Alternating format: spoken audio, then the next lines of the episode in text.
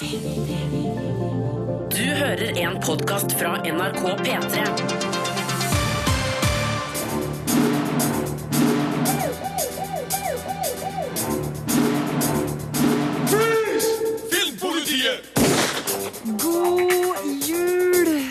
Nå er det endelig lov å si det, Sigurd. Det er lov å si det nå, Marte. Åh, Det er så koselig! Du er i så julehumør, Jeg er så utrolig julehumør, og da passer det så godt at vi skal få høre anmeldelser av julefilmer i dag, og vi skal snakke om hva man skal se på TV i jula. Selvfølgelig skal vi det. Og så skal vi jo oppsummere året, for nå har jo vi i likhet med resten av media slengt ut våre topplister Yes. for beste spill i 2016, beste filmer i 2016 og beste serier i 2016. Ja. God diskusjonsmat, det. I kommentarfeltene våre så koker det litt der. Og så er det jo selvfølgelig litt sånn gavetips til dem som kanskje er ute i siste liten. Ja, ja, ja, ja, ja. Altså, jeg har handla julegaver før på en uh, lille julaften, ja, altså, bare sånn at det er sagt. Så det blir mye snacks i en julefylt uh, sending her i Filmpolitiet i dag, så heng med. Filmpolitiet Filmpolitiet anmelder film. We boarded the Avalon with a destination. 120 years hibernation means we'll wake up in a new century on a new planet. But a year ago, everything changed. Når to av Hollywoods heteste navn, Jennifer Lawrence og Chris Pratt, opptrer i en og samme film, er det lov å forvente fyrverkeri. Passengers er ganske underholdende science fiction om en romferd der det oppstår store problemer. Filmen er pen å se på, stødig regissert av Morten Tyldum og virker gjennomført profesjonell. Den sentrale kjærlighetshistorien mellom hovedpersonene virker dessverre like kald og steril som omgivelsene, og forsvinner i store deler av filmen til fordel for effektfull spenning. Det er synd at skuespillernes stjernestatus ikke lar seg omsette i gnistrende kjemi, men som ren spenningsfilm er Passengers brukbar. We're Romskipet Avalon er på vei til en ny planetkoloni med 5000 passasjerer i dvale. En teknisk feil gjør at Jim, spilt av Chris Pratt, våkner opp 90 år for tidlig, uten muligheter til å gå tilbake i dvale. Hans eneste samtalepartner er robotbartender Arthur, spilt av Michael Sheen. Jim bestemmer seg for å vekke Aurora, spilt av Jennifer Lawrence, men et gryende forhold møter veggen når omstendighetene rundt vekkinga blir kjent, samtidig som det blir klart at romskipet er i alvorlig trøbbel. Come on. The whole section's closed off. Something's wrong. We're looking for Rome. Try to open it. Passengers handlet om Jims moralske valg og hvilke konsekvenser det får for Auroras liv.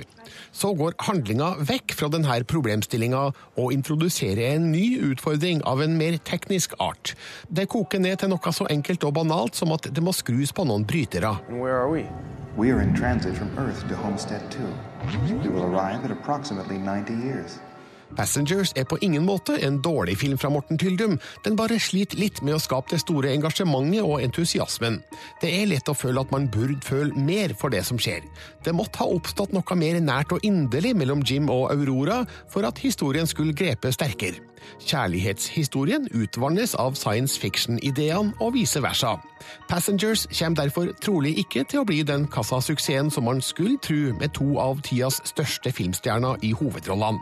Det burde kun forventes noe stort når Jennifer Lawrence og Chris Pratt braker sammen, men det sier bare poff. Took you long enough to ask. I was giving you space. Oh, space. The one thing I do not need more of. Terningkast fire. Filmpolitiet Does that sound good to you? På P3. Sigurd, Ja. jeg gleder meg til eh, første juledag, jeg. ja. For da er det nemlig eh, kinofilm Godteri i strømpa. Å, Ja, ja, det er godteri i strømpa, men det er òg eh, en ny premiere på en ny film som er liksom fra en gammel barneklassiker som jeg har lest og hørt på kassett og kosa meg så mye med som barn. Dyrene i Hakkebakkeskogen. Ja! De ser helt nydelige ut, de her animerte dukkene, for det er en Ja. animert film. Ja, men du, Ja. eh, eh, vi drev og snakka om filmen bare under låta her, og så, Ja. så kom du med en innrømmelse. Ja, eh, den pepperkakelåta, altså det som kanskje gjør denne filmen så julete som eh, den kan være, da, den eh, har jeg sunget veldig mange ganger, og jeg, jeg, jeg vet liksom referansen, og det er et eller annet med margarin og smør og sånn, men jeg jatter bestandig med. Jeg kan ikke egentlig teksten. okay. Eh, merker jeg for hver gang jeg liksom prøver. Så jeg, kan, jeg tror jeg kan de første to strofene, og så bare liksom Ok, ok, Ja. prøv, prøv, prøv de første to strofene. Det har ikke jeg noe lyst til, jo, sier kom, igjen! kom igjen okay.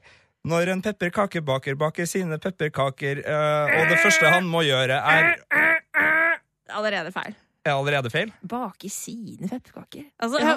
når okay, for- en pepperkake Baker, baker pepperkakekaker, tar han først en stekegryte og en kilo. Margarin. Yes! Ok, altså, så hadde første og Ja, siste ordet ja. riktig. Oppi gryta smelter smøret, og det neste han må gjøre Det vet ikke jeg, men det, er det derfor det er sånn margarin-smørdebatt? Fordi at det både er margarin og smør? Ja. Ja, fordi der er sånn bakeglad Ja, okay, Men han må i hvert fall røre sammen smør og en kilo med farin, og det er det samme som sukker. Men du, eh, vi prater oss bort, men eh, jeg gleder meg veldig til å se Dyrene i Hakkebakkeskogen, som har premiere første juledag, og vi skal straks få høre Birger Vestmo sin anmeldelse av filmen, og jeg kan avsløre at han, han kosa seg. Han gjorde det. Filmpolitiet anmelder film. Det er utmerket. Gå i gang. Det er i gang. Jeg går utmerket. Regissør Rasmus A. Sivertsen og Kvisten Animasjon fortsetter arbeidet med å fornye gamle barnefavoritter til kinolerretet.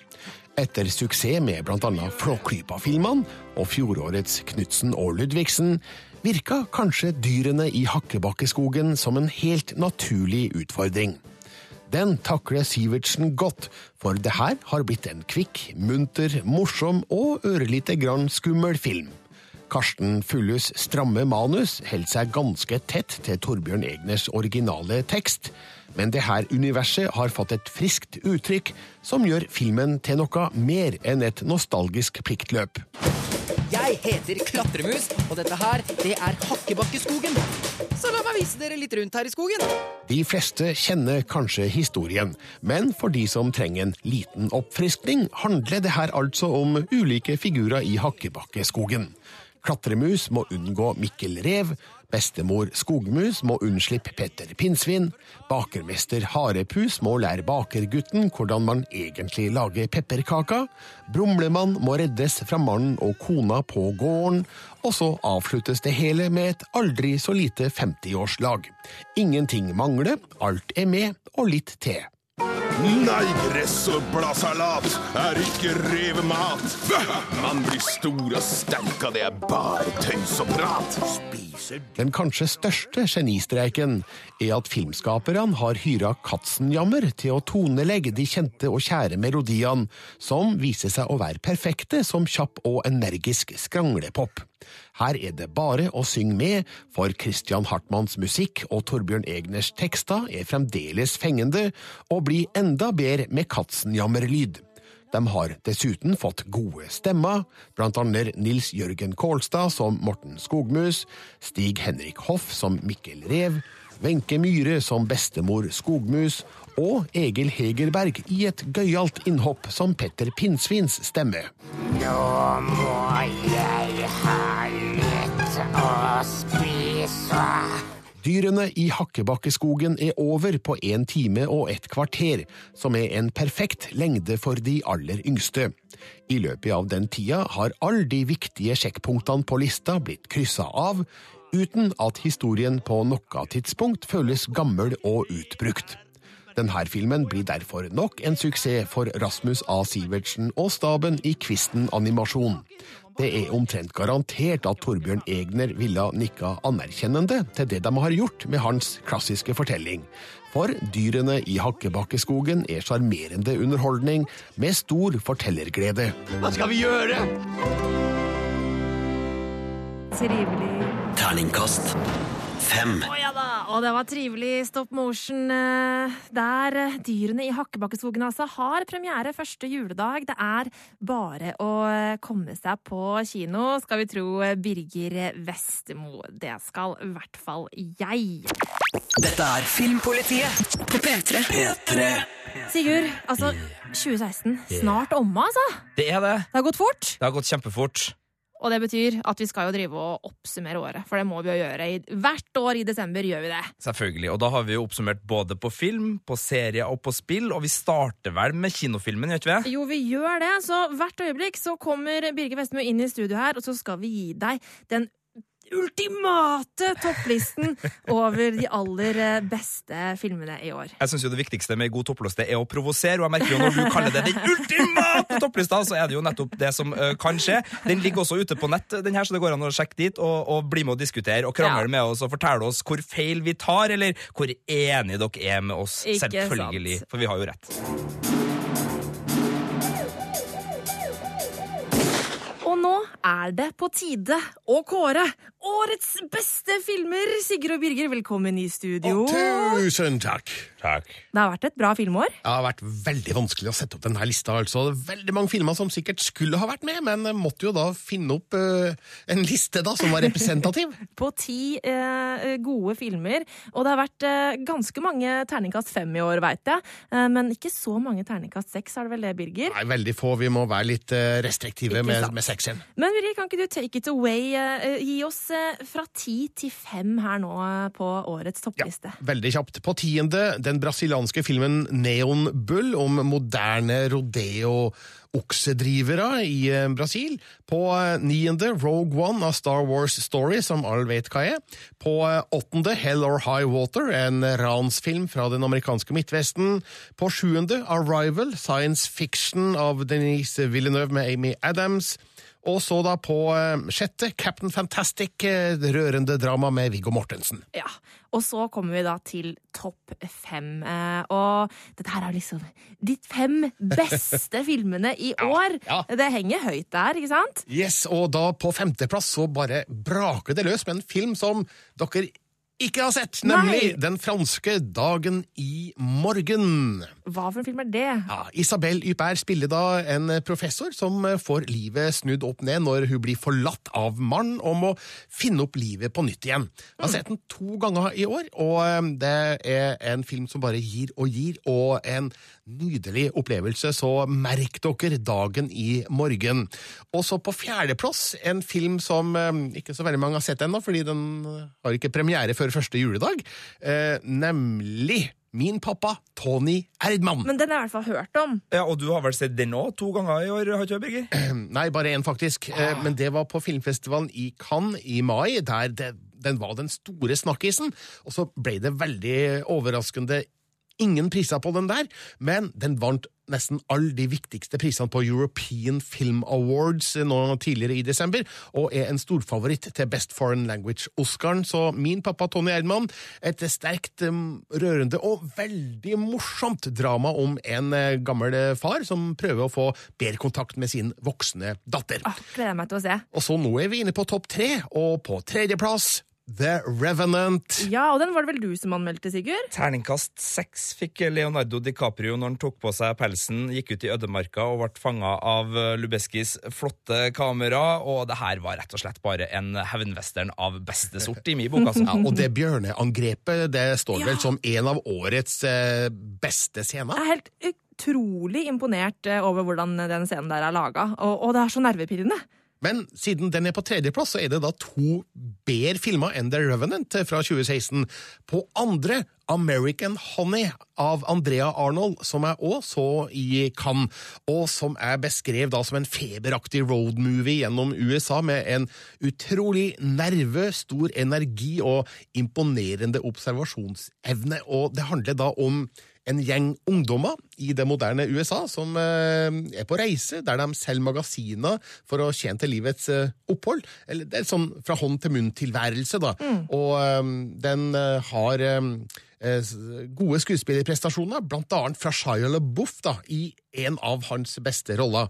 Sånn at den eh, ble kanskje litt sånn smal for mange på kino, men hvis man finner veien til um, American Honey, så lover jeg en stor filmopplevelse. Og så, Birger Årets aller beste film! Skal vi koste på sånn rampa-rampa? All right, vi skal til, av alle land, Ungarn! Ungarn. har aldri skjedd før at vi har Nei. hatt en ungarsk film på noen som helst liste. Men i februar i år kom altså Souls Sun på kino. En eh, film jeg så på Cannes-festivalen året før, så det tok jo sin tid å få den på kino, men siden den hadde premiere i år, så må den være med på årets eh, toppliste. Og den fikk en soleklar eh, terningkast seks. Det er en av de sterkeste filmene jeg har sett overhodet, tror jeg. Det handler om holocaust. Det handler om eh, jødiske soul som er satt til en skikkelig møkkajobb i en konsentrasjonsleir under andre verdenskrig. Han rydder gasskamrene etter bruk.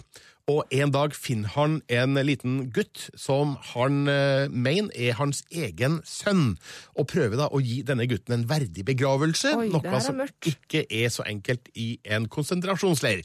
Ja, det er fryktelig mørkt. Den downer av Ja. en film, altså. Så det her er ikke noe man setter seg ned med for å kose seg på en fredag kveld eller søndag kveld eller når som helst, egentlig. Men eh, er man eh, i humør for det og forberedt på det og vil eh, lære noe og se noe som gjør eh, ekstremt sterkt inntrykk, så er Souls Sønn virkelig en eh, drepende film på mange måter. Og ja, terningkast seks. Årets beste film, altså. Åh, Gudland. Jeg har ikke sett Soul Sun ennå, men eh, den eh, skal jeg altså få med meg. Tusen takk til deg, Birger. eh, Og Sigurd. eh, Og du som hører på, heng med. Det blir flere topplister i sendinga i dag. Vi skal kåre årets beste spill og beste TV-serie. Dette er Filmpolitiet på P3. P3. Eh, og litt tidligere i sendinga her nå så hørte dere jo at vi i Filmpolitiet kåra de beste filmene fra i år. Og på fjerdeplassen på den topplista så fant vi Min pappa Tony Erdmann. Eh, og hvis ikke du hørte det innslaget, så kan du klikke deg inn på p3.no skråstrek filmpolitiet. Eh, og så kan du sjekke ut hele topp ti-lista vår der over de beste filmene fra i år. Min pappa Tony Erdmann er altså på fjerdeplassen, og ifølge Birger så er det her en av årets eh, beste julefilmer. Um, og han syns at det er et veldig morsomt og rørende drama. I'm Tony. Tony Erdman. Nice to meet you. I'm consultant and coach. Vi forbinder tyskere med mye, men kanskje ikke humor. Derfor kommer min pappa Tony Erdmann som en særdeles hyggelig og uventa overraskelse. Denne tyske filmen er nemlig veldig morsom, samtidig som den elegant skildrer en fars rørende forsøk på å få bedre kontakt med sin datter. Filmen er lenger enn den trenger å være, og går glipp av en fantastisk slutt, men min pappa Tony Erdmann er likevel en av årets beste filmer. Regissør og manusforfatter Maren Ade more og glede filmelskere med en historie med et stort hjerte, løfta frem av fantastiske prestasjoner i de to hovedrollene. Willst du mich fertig machen oder was? Papa, ich rede mit dir. Den middelaldrende musikklæreren Winfried, spilt av Peter Simonicek, forsøker å gjenopprette kontakten med sin voksne datter Ines, spilt av Sandra Hyller, og drar på et spontant besøk til Romania, der hun jobber. Det viser seg at de er svært forskjellige. Han er musikklærer og romantiker. Hun er karrierejagende forretningskvinne. Samtidig er de like, for begge er ensomme og deprimerte bak sine respektive fasader. Winfried kler seg ut som sitt alter ego Tony Erdmann, med stygg parykk og løstenner, og forsøker å bruke overraskende humor som en tilnærmingsmetode. May I uh, offer the ladies uh, glass of champagne? Ja, do we want champagne? Kontrastene mellom Winfrieds fargerike påfunn og det nesten parodisk kalde og strigla miljøet som Ines forsøker å være en del av, resulterer i humor av høy klasse, der flaue smil og godhjerta latter avløser hverandre med jevne mellomrom.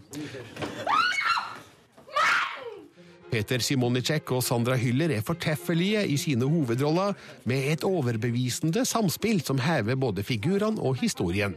Min pappa Tony Erdmann er en helt spesiell film, med en sterk historie, fortreffelige figurer og en nydelig blanding av humoristiske anslag og dramatiske øyeblikk som spiller på hjertestrengene. Maren Ade burde ha økonomisert litt strengere med historiefortellinga underveis og avslutta tidligere, men det endrer ikke det faktum at min pappa Tony Erdmann får en hjertelig og entusiastisk anbefaling. Ist eigentlich ein bisschen glücklich hier? Was meinst du mit Glück? Glück ist ein sehr starkes Wort. Terningkast fem. Dette er Filmpolitiet Filmpolitiet på P3. Noah Cyrus og Labyrinth med Make Me Cry. Er så irriterende at de ikke synger det hele tida, Sigurd! Blir så frustrert. Ja, men det er jo subtilt og fint Ja. og vakkert, Ja Marte da, ja, da, det er dritvakkert. Ja, men det er en fin låt, da. Ja, ja, ja. Og apropos subtile og vakre ting, skal Ja. ikke vi snakke om noe vi liker veldig godt nå? Jo, vi skal snakke om serier. Eh, nærmere bestemt de beste som har kommet i år, rett og slett. Det er ganske pompøst av oss å dra på og hevde at vi vet hva som er de aller beste TV-seriene fra 2016. men Men så pompøst er vi! Eh, Så jeg og du har laga ei liste Ja, som ligger ute på P3. Ja. Ja, p3.no filmpolitiet med hele ti uh, serier som vi mener er liksom top notch uh, fra i år. Eh, Sigurd? Skal jeg bare rase gjennom, eh, Ras og så snakker vi litt mer om de på de øverste plassene. Men på tiendeplass, piratserien Black Sails sesong tre ligger på HBO Nordic og på Netflix. På niendeplass, The Crown, den dyreste serien Netflix har laga, ligger på Netflix. Making a Murderer på åttendeplass kom teknisk sett i romjula i fjor, men ble en snakkis i januar 2016. Også på Netflix. Skam sesong to og sesong tre på sjuendeplass. Ja, ja, ja. Ja, ja, ja. Ligger på nrk.no. Sjetteplassen, Game of Thrones sesong 6, ligger på HBO Nordic. Atlanta er på femteplass. Hiphop-dramedie sendes på Fox Norge. Skal sendes i morgen i sin helhet, har jeg hørt snakk om Oi. på kanalen. Kan hennes ellers også finnes på amerikansk iTunes hvis man har det. Fjerdeplassen, OJ Simpson, Made in America, lå på nrk.no. Er nok borte derfra nå, men finnes hvis man leter litt. Og så pallen, da, Marte. Ok, pallen. Tredjeplassen. Ja, der har vi rett og slett science fiction western-dramaet Westworld. HBO skuffa ikke når de endelig, for den her har vi venta på noen år, nemlig, ga oss Westworld. Den var både engasjerende på en sånn fanteorimåte, som jeg ikke har opplevd maken til siden ja, Game of Thrones, der man sitter og diskuterer og fabler om hva som kan skje, og hva som burde ha skjedd, og alt det der. Og så fungerte den veldig bra i forhold til at den klarte å flette sammen kunstig intelligens-filosofien og tankegodset Yes. med ei spennende historie som gjorde at du virkelig ble sånn der Du ble grepet, og så var det ikke minst en gjeng med strålende skuespillere. Anthony Altså, Hopkins briljert, og Ingrid Bolse Berdal fikk uh, siste stikk, kan man si. Uh, ikke spoiler, egentlig, men uh, dere som vet, dere vet. Det her var topp underholdning. Det var også andreplassen. Ja, The Americans, fjerde sesong. Ja, og nå er vi litt sånn, kall det rasshøl, da, fordi uh, fjerde sesongen av The Americans ligger ikke ute i Norge noen plass, men den ble sendt i vår i USA. I Norge så ligger vi litt etter akkurat på en del godserier, blant annet The Americans. Så den kommer forhåpentligvis på norske skjermer nå på Netflix og eventuelt TV6, tror jeg det som har drevet og sendt den, forhåpentligvis til våren.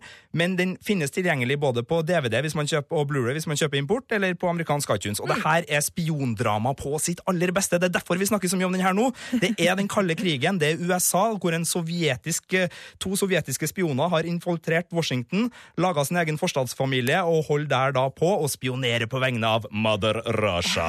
Ja, det er en strålende serie. Men altså Årets største serieopplevelse i år, og det som også ender på vår førsteplass over, på topplista over 2016s beste TV-serier, er Stranger Things. Den kunne jo ikke bli noe annet. Den var så fin, og den har liksom musikken, estetikken, nostalgien, fontene, ikke minst. De flotte fontene som alle har krydra Facebook-veggene sine med siden uh, juli.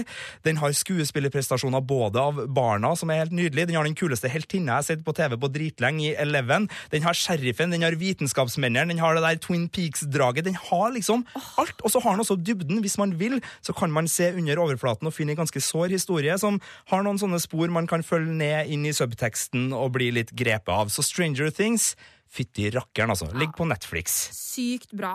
Og hvis du som hører på er enig i at Stranger Things er sykt bra, eller kanskje du er fullstendig uenig og mener at det er en drittserie, hva kan du gjøre da? Du kan gå inn på p3.no filmpolitiet og bli med i diskusjonsfeltet. Der er det ganske mange andre som holder på, og jeg må ærlig innrømme, det er ikke alle som er enige med oss. ikke det. Og det liker vi, for da kan vi diskutere og sånn. Veldig bra. Filmpolitiet På P3. Filmpolitiet anmelder film. Stephanie now wants us to fly out to meet the man for the holidays. With everything that's going on here, that's the last thing I want to do. Well, hold on now. This is the first serious boyfriend? Why Him har Bryan Cranston og James Franco i hovedrollene som henholdsvis en far og hans mulige svigersønn. Det virker lite hensiktsmessig å sette så flinke skuespillere i en dårlig komedie som det her. Et uinspirert manus og kjedelig regi gjør Why Him til en lite tilfredsstillende film. Man ler ikke så mye av det som skal være morsomt, og får ingen følelsesmessige reaksjoner av det som skal være søtt, trist eller rørende. Derfor er det liten vits å bruke tid på Why Him. Okay, do you guys want to go see the house? Uh, we, we probably should. We came to stop to Yeah, say hey. go. And... Actually, no, no. Ned, spilt av Bryan Cranston, drar med kone og sønn på julebesøk til dattera Stephanie, spilt av Zoe Deutsch, og hennes nye datamillionærkjæreste Laird, spilt av James Franco. Det blir krise når Ned forstår at Laird har tenkt å fri til dattera. Han kan nemlig ikke fordra den potensielle svigersønnen. Get the fuck out of here. Okay. It, sa- it says happy holidays? Bart, fuck you. God damn. Francos figur beskrives som filterløs, og manusets fremste våpen er å utstyre han med store mengder grovt språk. Det bannes hele tida, og det er kanskje meninga at det skal spre frydefulle vin og vantro blant publikum. Men det er en slitsom taktikk som ikke fungerer. Man går lei av ordet fuck etter det første kvarteret. Det finnes innslag av situasjonskomikk som påkaller rykninga i smilebåndet, men her er det for mye vitsing om sex og narkotika som er gjort 100 000 ganger før. Og når hele ensemblet blir oversprøyta av urin, er det åpenbart at filmen sliter med å være morsom. My instinct is to hug you right now. Oh, I don't think you. That's okay. Oh. Oh my god. Oh. Why Him har en avslutning som annet involverer veteranrockerne i Kiss, og som gammel fan kan jeg ikke annet enn å synes at det er litt gøy, sjøl om filmen burde ha fått mye mer ut av denne situasjonen. Her avsløres både filmens begrensa midler og regissør John Hamburgs lave ambisjoner. Det mest oppsiktsvekkende er at komiker Jonah Hill er en av manusforfatterne, og komiker Ben Stiller en av produsentene. Med slike krefter burde Why Him vært mye morsommere, men den sliter med å nærme seg midtsjiktet. I need you to tell me how it went right now, or I'm going to burst. He said no. What? Okay, okay. Terningkast to. Filmpolitiet.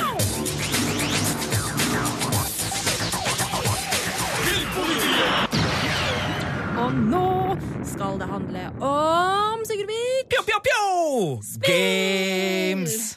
Å, det var fint internasjonalt spill, games og spill sagt i kor. Herlig, herlig. Vi, vi jobber jo, Ja, vi ikke jobber. sant? Ja, ja, ja, ja, eh, skal vi bare ta topplista for årets beste spill i rekkefølge fra tiende til tredje, da, Marte Hedenstad? Fyr løs. Skal jeg bare fyre løs, da? Yes. Ok, på tiendeplass treningsfavoritten Pokémon Go! Pika! Niendeplass norske Owlboy. Ja. Åttendeplass Titanfall 2. -hmm. Syvendeplass Inside. Indiespill. Sjetteplass The Last Guardian. Ferskvare. Oh. Du fikk det ansiktsuttrykket Ja, som du- gjør at du Jeg elsker. Ja. Mm. Og uh, femteplass Dark Souls 3. Yes. Fjerdeplass Unravel. Og nå tror jeg du får det ansiktet Ja, igjen. nå er det sånn, jeg begynner er, å grine av å tenke på det. det Mm. der er cuteness-facet ditt i endte potens. Det er riktig, ja. Eh, og det var uh, opp til pallplassen, det. Og Ja. da har vi kommet til tredjeplassen, Marte. Take it away. Take it away, tredjeplassen.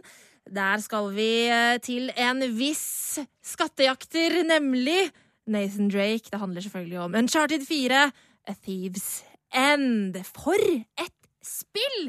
Altså, det her er jo eh, den siste fortellinga om Nathan Drake, og jeg har kosa meg fra start til slutt med det spillet her. Strålende historie, og så ser det bare så bra ut. Og en liten anbefaling, for jeg kjøpte uh, den der nypakka som kom ut med alle spillene til Yes. PS4. Og det var egentlig ganske godt kjøp, syns jeg, for det var kjempekoselig. Yes. Det var kjempekoselig. Så et uh, ekstra juletips der. Tredjeplassen altså, Uncharted 4 til PlayStation 4. Og på andreplass, der finner vi eh, litt, eh, litt mørkere snikespill.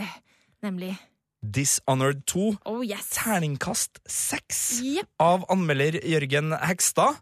Det kan jo ikke bli bedre, da, egentlig. Det kan ikke bli mye bedre. Det her var visst bare rett og slett spillunderholdning på sitt beste, ifølge Jørgen. Ja, eh, og jeg digga jo Dishonored 1, eh, som tar oss med i en sånn mørk, litt sånn steampunk-aktig verden, eh, hvor vi skal redde ei lita jente.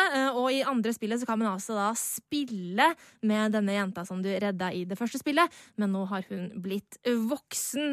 Og det her er jo da Det som er så bra med Dishonored-spillet, er at du har mange veier til mål. Det er masse forskjellige muligheter for å løse på en måte de oppgavene du får satt, og det er eh, veldig spennende. Ikke alle av oss som bør få moralske valg og valgmuligheter i spill, men, Nei, men det er artig at man, man må forholde seg til det, da.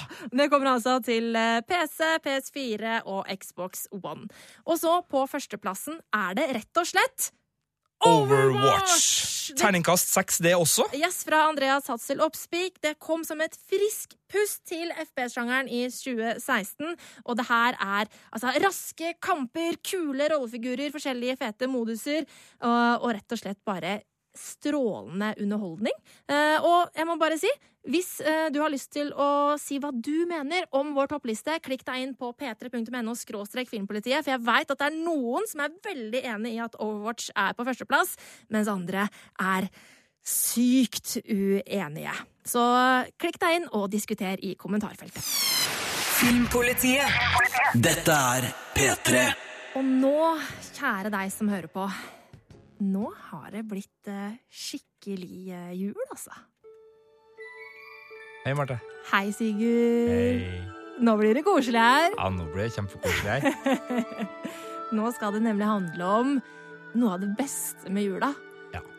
Julefilmene må jo sees, og her snakker vi jo ikke om nye horisonter som skal sprenges. Her snakker vi jo ofte om nostalgi, favoritter og ting som dukker opp, sånn at man kan kose seg skikkelig med det.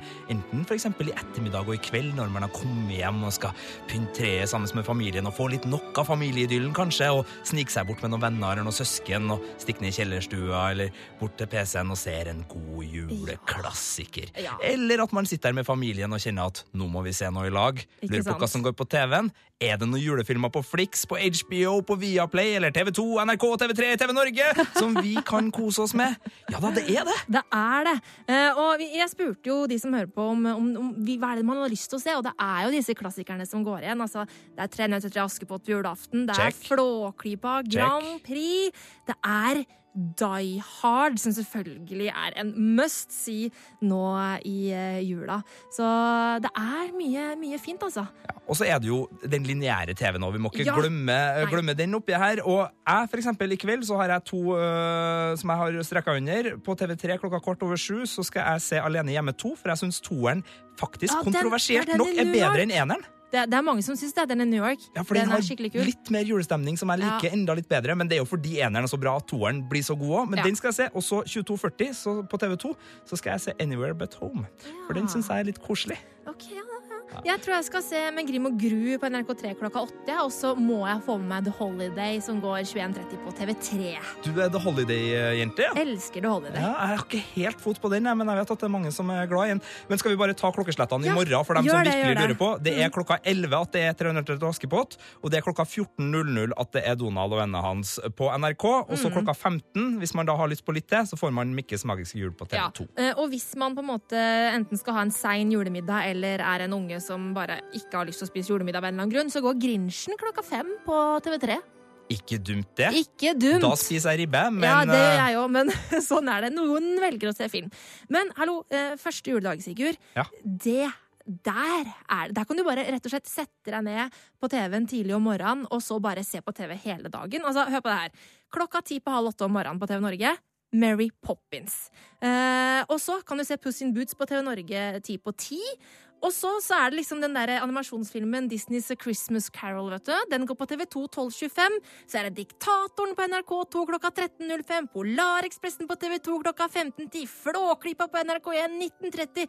The Holiday igjen klokka 19 på TV3. Jurassic Park på TV3 21.30. Braveheart på TV3 23.55. Altså, din drittunge av en Altså, TV-slave. det er Ta så så bruke litt tid med familien og Ja, gå men- ut en tur, da. Nei, nei, Neida. altså jula handler om å være inne. Og man kan kose seg med familien foran TV-skjermen. Men jeg kan toppe den lista di der. Du kan fordi det? du kan jo bare bruke strømmetjenestene dine hvis du har dem. da. Ja. På Netflix, Netflix så er det Jul i Flåklypa, det er Hjelp, det er juleferie, som er min personlige eh, anbefaling. Ja. Der er det en fetter spilt av Randy Quaid som er kjempemorsom. Så har du Polarekspressen der òg, du har Hjemme alene, du har Miracle on 34th Street, du har Jingle Bells eller Bjelleklang med Arnold Schwarzenegger, og du har It's a Wonderful Life. Ja. Hvis du heller vil på HBO Nordic, så er det litt mer sentimentalt der. Der finner du filmer som All About Christmas Eve, Dear Secret Santa og The Holiday, selvfølgelig. Men Viaplay har også ganske mye nytt. Der har du nyting som The Night Before, som er en film jeg skal se nå, med Seth Rogen. Og så har du Bad Santa og A Muppet Christmas Carol! Det er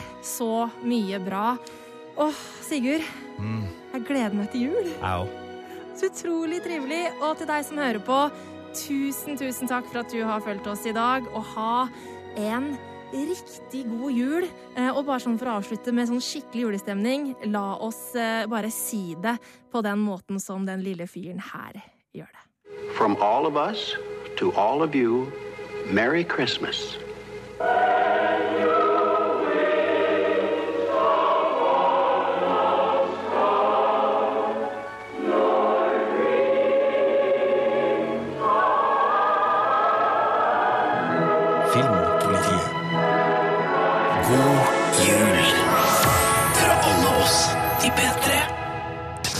Finner flere podkaster på p3.no podkast.